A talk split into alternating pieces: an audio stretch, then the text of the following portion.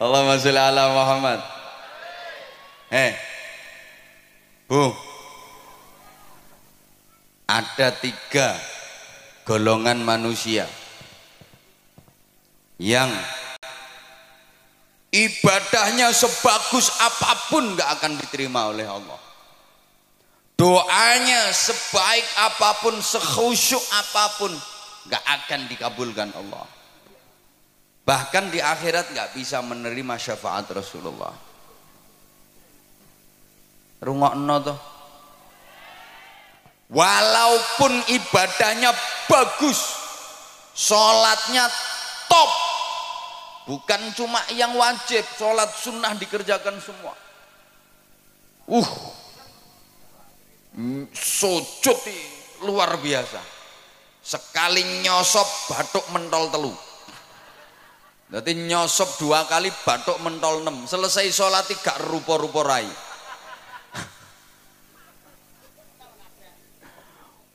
Poso bendino. Sodakoh nyah zakat orang mufakat. Wiridan sak dalan-dalan maca Quran yo turut ratan. Berangkat haji tiap tahun. Dia pergi umroh seminggu lima kali. Iso ngomai Mekah kok kan ngomai Mekah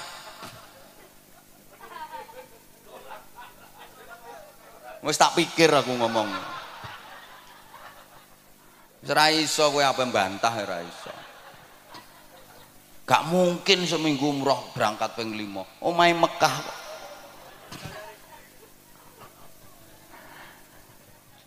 Kalau masuk tiga golongan manusia ini percuma. Gak akan diterima Allah. Satu, akul walidain. Anak yang durhaka kepada kedua orang tua Naudzubillah. Sehebat apa pun anak kalau sampai durhaka kepada orang tua, berani kepada orang tua, menentang orang tua, melawan orang tua, zalim kepada orang tua, menyakiti hati dan perasaan orang tua, menyia-nyiakan orang tua. Padahal si anak hidupnya berkecukupan, kaya, Orang tuanya hidup menderita itu dia mentala. Allah wes kadung.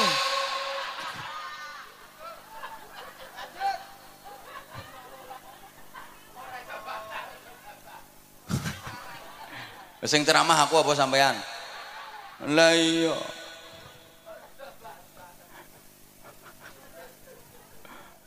Walaupun ini anak alim,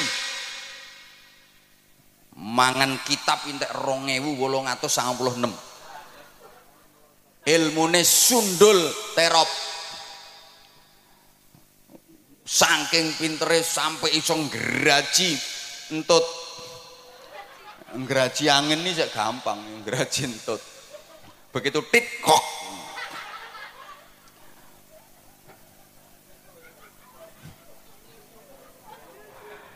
Kalau berani sama orang tua menyakitkan orang tua durhaka kepada orang tua seluruh ibadahnya ditolak sama Allah. Doanya nggak akan dikabulkan oleh Allah. Bahkan di syafa di akhirat dia nggak bisa menerima syafaat Rasulullah walaupun secara lahiriah orang tuanya seakan-akan bersalah. Karena dalam hubungan anak dengan orang tua itu undang-undangnya cuma ada dua pasal. Pasal satu orang tua tidak pernah bersalah. Pasal dua apabila orang tua melakukan kesalahan kembali ke pasal satu. Ya gak mumet memang pasalnya cuma dua kok jadi hubungan anak kepada orang tua itu pasalnya cuma dua undang-undangnya. Pasal satu, orang tua tidak pernah bersalah. Pasal dua, apabila orang tua melakukan kesalahan, kembali ke pasal satu. Sehingga kalau sampai terjadi anak ribut sama orang tua, anak gegeran sama orang tua, demi Allah di apa-apa no sing salah anaknya. hmm, ono sing mikir ketara gak rukun kae.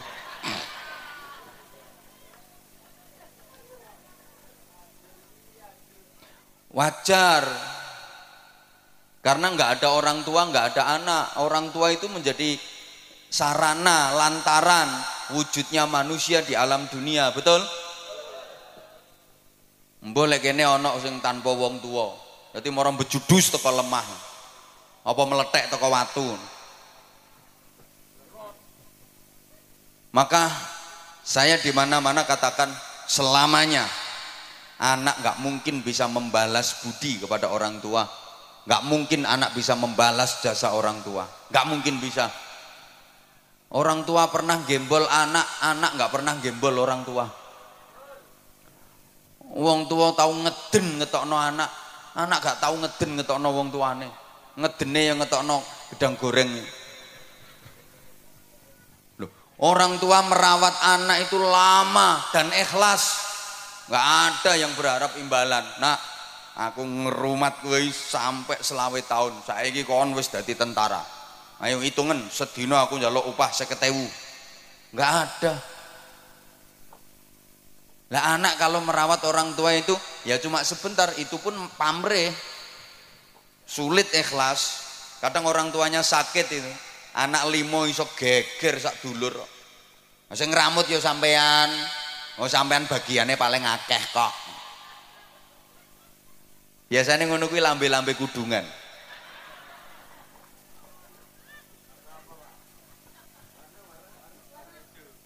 Halo.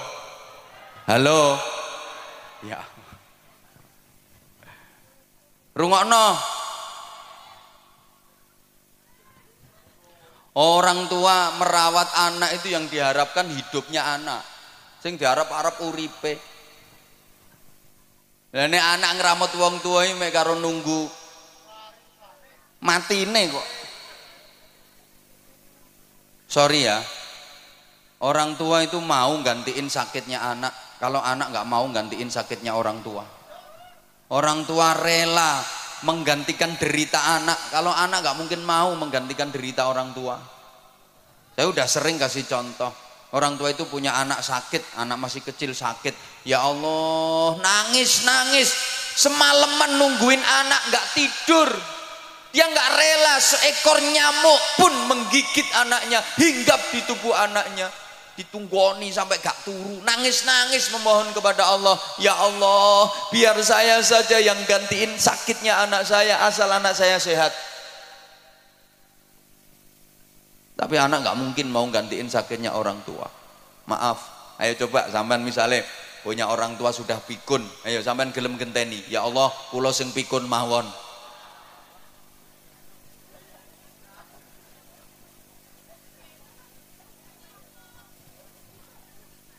Orang tua tuh punya anak pilek, hidung tersumbat, sing nyumpel yo umbel, ndak iso ambekan. No? disedot dicucup. Masya Allah umbel ya dicucup. Ayo bu misalnya bapak sampan umbelnya meler. Mereka pak kalau dilatannya pak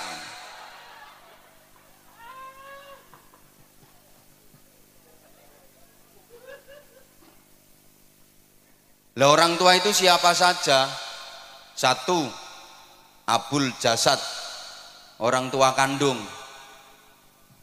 ayah dan ibu kandung. Dua, abur ruh yang merawat ruh, merawat jiwa, gurunya, kiainya, bunyainya, ustadz ustazahnya. Hukumnya sama orang tua. Kalau orang tua kandung itu yang merawat jasmani, kalau guru, kiai, bunyai itu yang merawat rohani.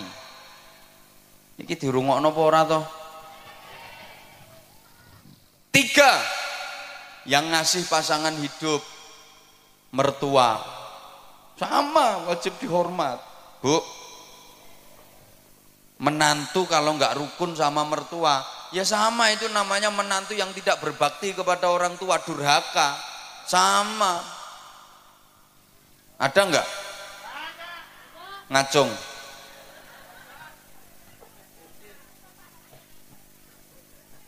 Sing akeh mantu gak rukun karo mara tuwa, iya mantu wedok. Kenapa? Mohon maaf. Penting ini. Perempuan itu cenderung serakah.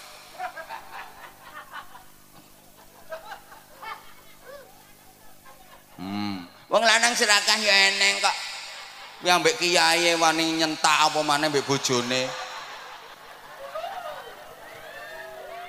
Mohon maaf.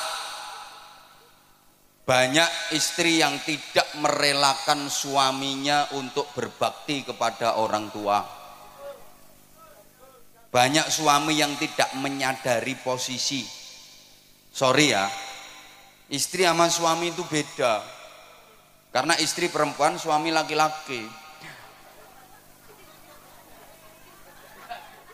Lah yo iya beda. Istri itu haknya suami. Kalau suami bukan haknya istri, haknya orang tua. Rungokno. Suami itu haknya orang tua. Artinya suami harus lebih memprioritaskan orang tuanya mementingkan orang tuanya daripada istrinya. Ya sama-sama penting. Istrinya penting orang tuanya penting. Tapi perbandingannya lebih dipentingkan orang tuanya daripada istrinya. Ini kalau suami beda dengan istri. Istri haknya suami bukan haknya orang tua. Karena waktu nikah sama orang tuanya sudah diserahkan total kepada suami maka istri harus lebih memprioritaskan suaminya daripada orang tuanya. Kalau suami harus lebih mementingkan orang tuanya daripada istrinya. Lah ini yang suka nggak diterima oleh para istri. Suami mau berbakti kepada orang tuanya, dihalang-halangi oleh istrinya. Kadang suami mau ngasih duit ke ibunya. Ini si istri ngamuk-ngamuk. Diselidiki. Bukai piro makmu mau. Bukai piro. Makmu mau bukai piro. Ya. Ya kekno kabeh kono. Kekno kabeh. Nah ngusungi rono kabeh. Gawa nang gone makmu kabeh kono. Wis, kelambimu nanti digerono pisan, bantalmu sak sarungmu usungi rono. Engko bengi nang kelon karo makmu kono.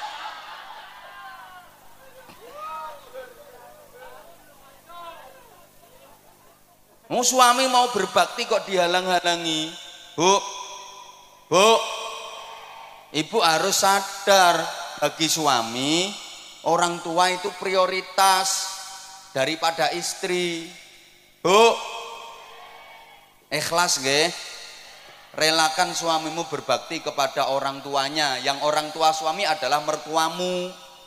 Maka istri soleha, calon-calon bidadari surga, itu adalah perempuan-perempuan yang mengikhlaskan, merelakan suaminya berbakti kepada orang tuanya. Suaminya lebih mementingkan orang tuanya daripada dirinya sendiri. Itu perempuan-perempuan solihah, calon-calon bidadari surga. Nggih Bu nggih? Jadi misalnya, Bu, suami ibu punya duit 10 juta nah, ibu sebagai istri dikasih 3 juta yang 7 juta dikasihkan ibunya suami ikhlas gak?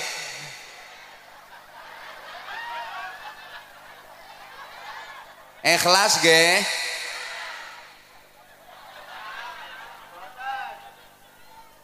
ikhlas badan mulane angel mlebu swargamu ya ngono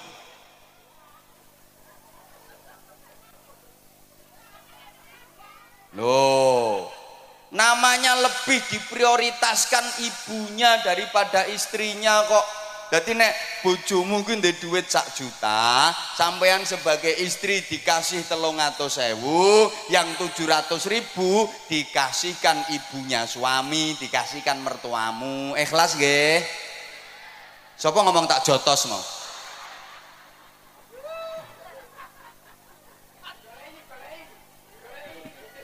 Tak jotos dere. Wih istri apa petinju kok? Tak jotos deh kalau ibu ikhlas nah itu gampang masuk surga. Itu istri solehah dan calon-calon ratu bidadari surga. Halo? Rungokno. Jadi sampean iku bu kalau dikasih uang belanja sama suami sebelum nerima duit itu saman ngomong mas aku saman kayak duit ngene iki buke saman kei tora lek buke saman kei ya aku gelem nrimo duit iki. Lek nek buke gak saman kei aku mau nampani mas. Buke kei sik kudu luwih akeh. Lek buke wis sampean kei lagi tak terima ngoten nggih? Pret. Pret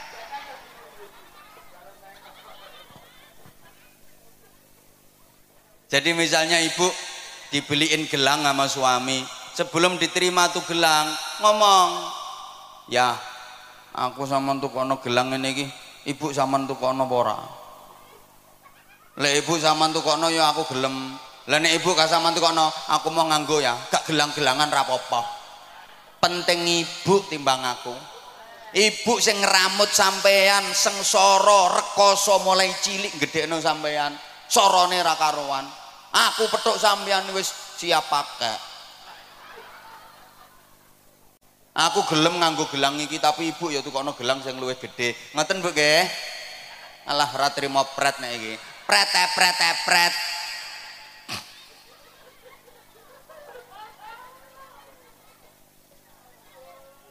Ibu.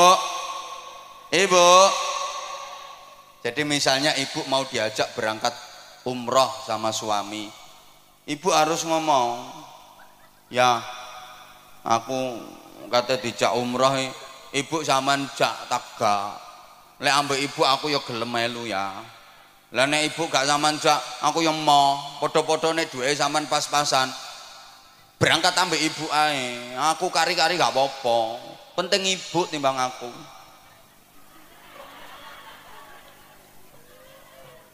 Bapak sampean sebagai suami Pak kalau punya istri yang karakternya seperti itu betul-betul lelaki beruntung di dunia ini.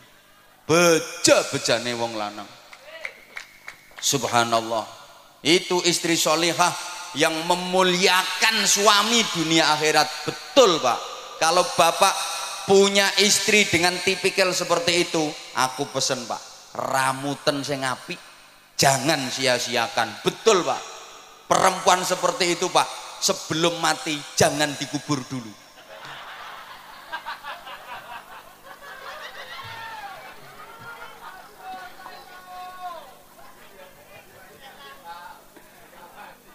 Soalnya langka.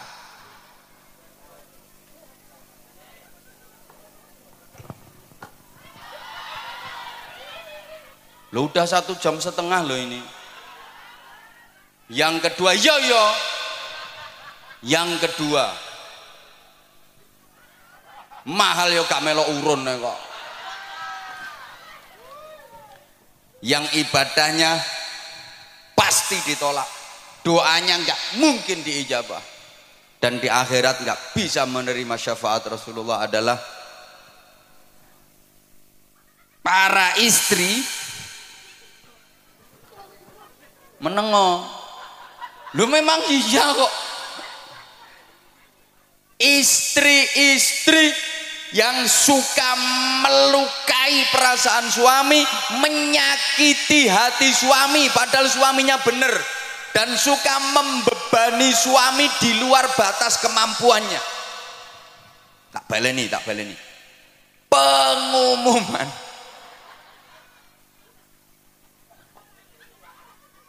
ibadah sebaik apa pun gak akan diterima Allah. Doa sekhusyuk apa pun gak akan diijabah Allah. Dan di akhirat gak bisa menerima syafaat Rasulullah. Siapa? istri-istri yang suka melukai perasaan suami menyakiti hati suami. Padahal suaminya bener aku gak bakal suami sih gak bener. Alah rungokke sik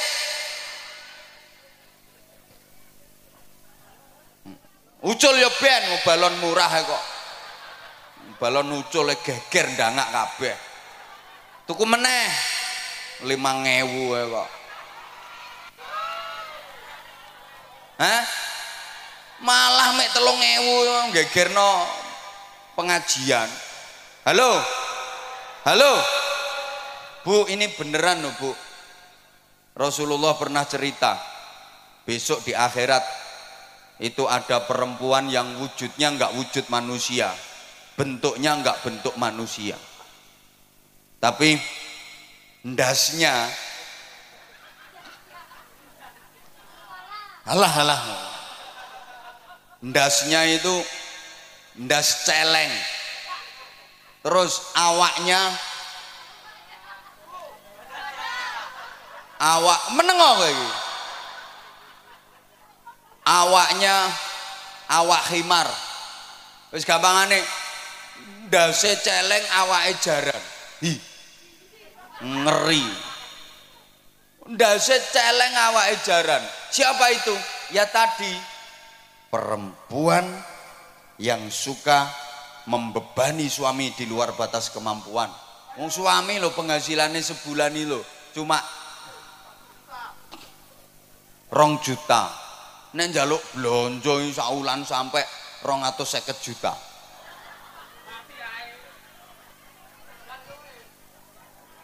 Misalnya, misalnya Perempuan yang suka melukai perasaan suami dan menyakiti hati suami. Maka seperti itu akibatnya. Ibadahmu gak akan diterima Allah. Tiwas dawir lambemu lah. Dikir macam-macam percuma. Doa nggak diijabah di akhirat nggak bisa mendapat syafaat Rasulullah. Nah sekarang ganti para suami ya harus fair dong Ya ya kok wong wedok ae. Para suami laki-laki rungono yang suka melukai perasaan istrinya, menyakiti hati istrinya, maka akibatnya aku durung tahu krungu keterangannya. Saya belum pernah mendengar keterangannya. Jadi ya saya nggak nggak pernah dengar dalilnya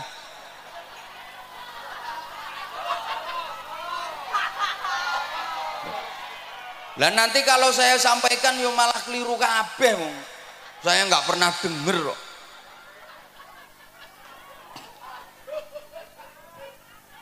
Bagusnya perempuan itu nggak perlu ngerti dalil-dalil yang kayak gitu. Marake ngelama, ngelunjak, ingkrah-ingkrah ndase wong lanang. Lho wong istri itu lo nggak ngerti dalil lho suami so kalah apalagi ngerti dalil hmm, malah nyenyek wong lanang memang istri-istri nggak usah ngerti dalil-dalil kayak gitu. Bahaya. Wong nggak ngerti dalil sing lanang kalah kok. Pemane ngerti dalil. Mulane bro sing urung rapi ya. Besok nek rapi golek wong itu sing goblok-goblok kae gampang dihapusi. Nek pinter-pintere gak iso ngendhalekno nyonyor kae.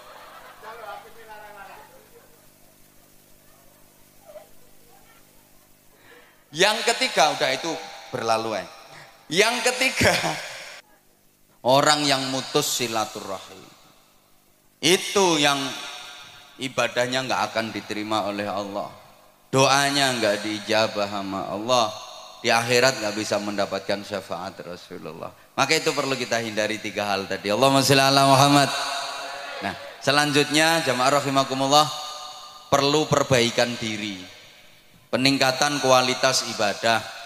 Baik yang vertikal hablum minallah ibadah ritual maupun yang horizontal hablum minan nas ibadah sosial.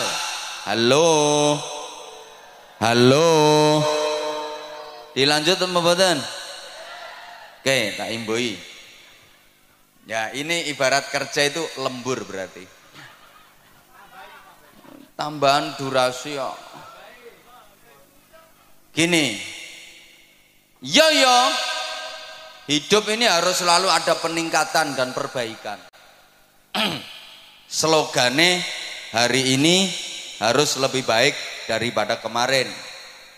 Dan esok harus lebih baik daripada hari ini. Dalam menjalani hidup, pantang bagi kita untuk berprinsip aku masih seperti yang dulu. Aku begini, engkau begitu. Itu sama saja. Kalau orang Jawa bilang sami mawon, nek diteruske bokonge Mbak Mi dintup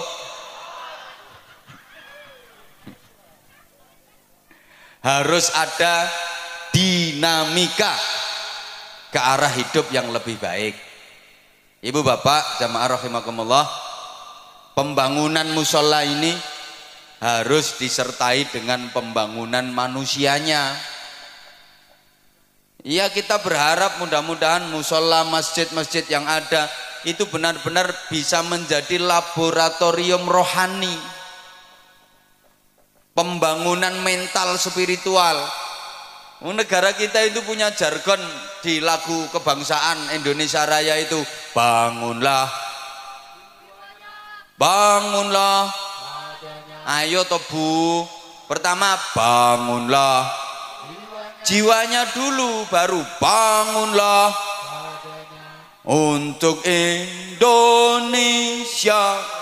bangunlah jiwanya. Pembangunan jiwa itu menjadi sangat penting. Hmm.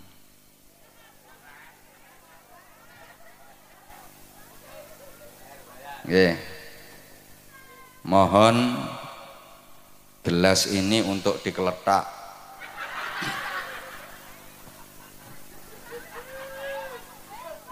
Untuk pembangunan sorban. Nggih.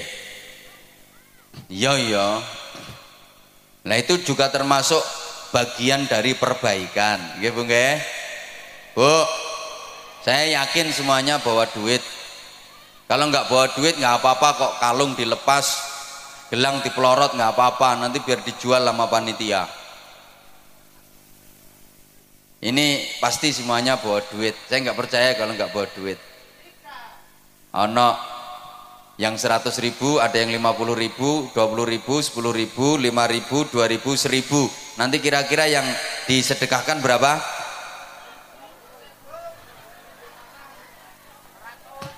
Perlu diingat sedekah itu yang penting banyak walaupun tidak ikhlas. Daripada ikhlas cuma sedikit. Tak nih Lebih baik sedekah yang banyak walaupun tidak ikhlas daripada ikhlas tapi cuma sedikit. Kenapa? Saya berani bilang lebih baik sedekah banyak walaupun tidak ikhlas. Loh iya daripada ikhlas tapi sedekahnya cuma sedikit. Karena kalau sedekahnya banyak terus sedekah banyak terus sedekah banyak pasti lama-lama ikhlas. Mesti metu ikhlas mikir ora ikhlas terus ngetokno akeh kok ora ikhlas tapi kalau sedekah itu prinsipnya yang penting ikhlas walaupun sedikit sampai mate gak kira sedekah akeh. Dan ciri-ciri sedekah ikhlas, tanda-tanda sedekah itu ikhlas adalah sedekahnya banyak. Tandane wong sedekah ikhlas iku sedekah akeh.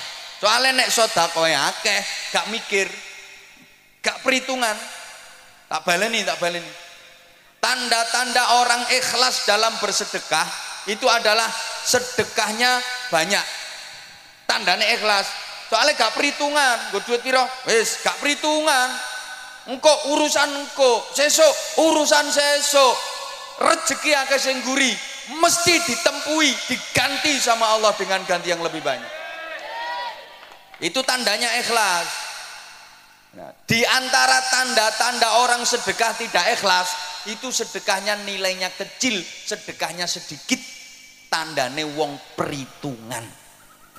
Duitku karek rongatus kok nek tak sedekahno seket lak karek satu seket. Sesuk bayar kreditan pitung puluh. Hmm. anakku sangune. Rungokno neng ngaji gak butuh sangu anakmu. Halo? Halo? Maka wong niku nek sedakoe kulino siti iku tandane gak ikhlas. Ayo bantau sedikit banyak itu bukan jumlah dan nominal tapi prosentase dan pembanding.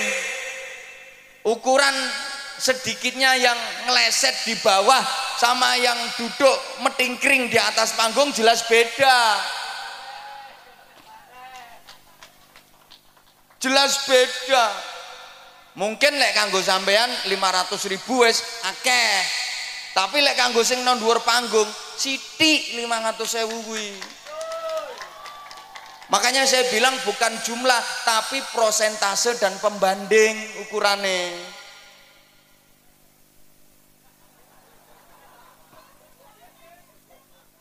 Lah iya makanya kalau saya katakan di antara tanda ikhlas dalam bersedekah itu sedekah nominalnya banyak nilainya banyak. Kuwi tandane ikhlas karena dia nggak perhitungan. Tandane wong sodako gak ikhlas itu sedekahnya sedikit karena dia perhitungan. Halo?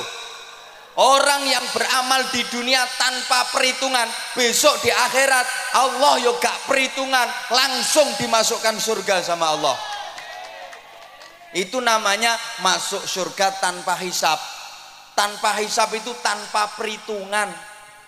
Siapa yang dimasukkan surga tanpa hisap tanpa perhitungan. Ya orang-orang yang waktu di dunia amalnya tanpa perhitungan. Malaikat yang meriksa itu langsung didawui sama Allah kasih instruksi. Malaikat itu orang waktu di dunia amal tanpa perhitungan. Udah sekarang langsung masukkan surga tanpa diperhitungkan amalnya. Coba tuh orang Bojonegoro kok. Langsung ke surga.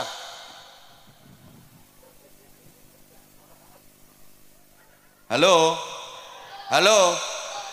Lah kalau orang di dunia amalnya penuh perhitungan besok di akhirat Allah juga penuh perhitungan. Dihitung dulu amal bagusnya ada berapa amal jeleknya ada berapa lebih banyak mana tangannya untuk muter tasbih sama untuk oh kopek jarene. Lebih banyak mana itu? Diperhitungkan semuanya. Lama perhitungan itu. Paham gak paham gak ada yang masuk surga bighairi hisab tanpa hisab. Itu artinya tanpa diperhitungkan amalnya. Orang-orang yang waktu di dunia melakukan amal tanpa perhitungan besok di akhirat Allah memasukkan surga tanpa perhitungan tapi kalau amal di dunia diperhitung no, sok no akhirat awas diperhitung karo Gusti Allah.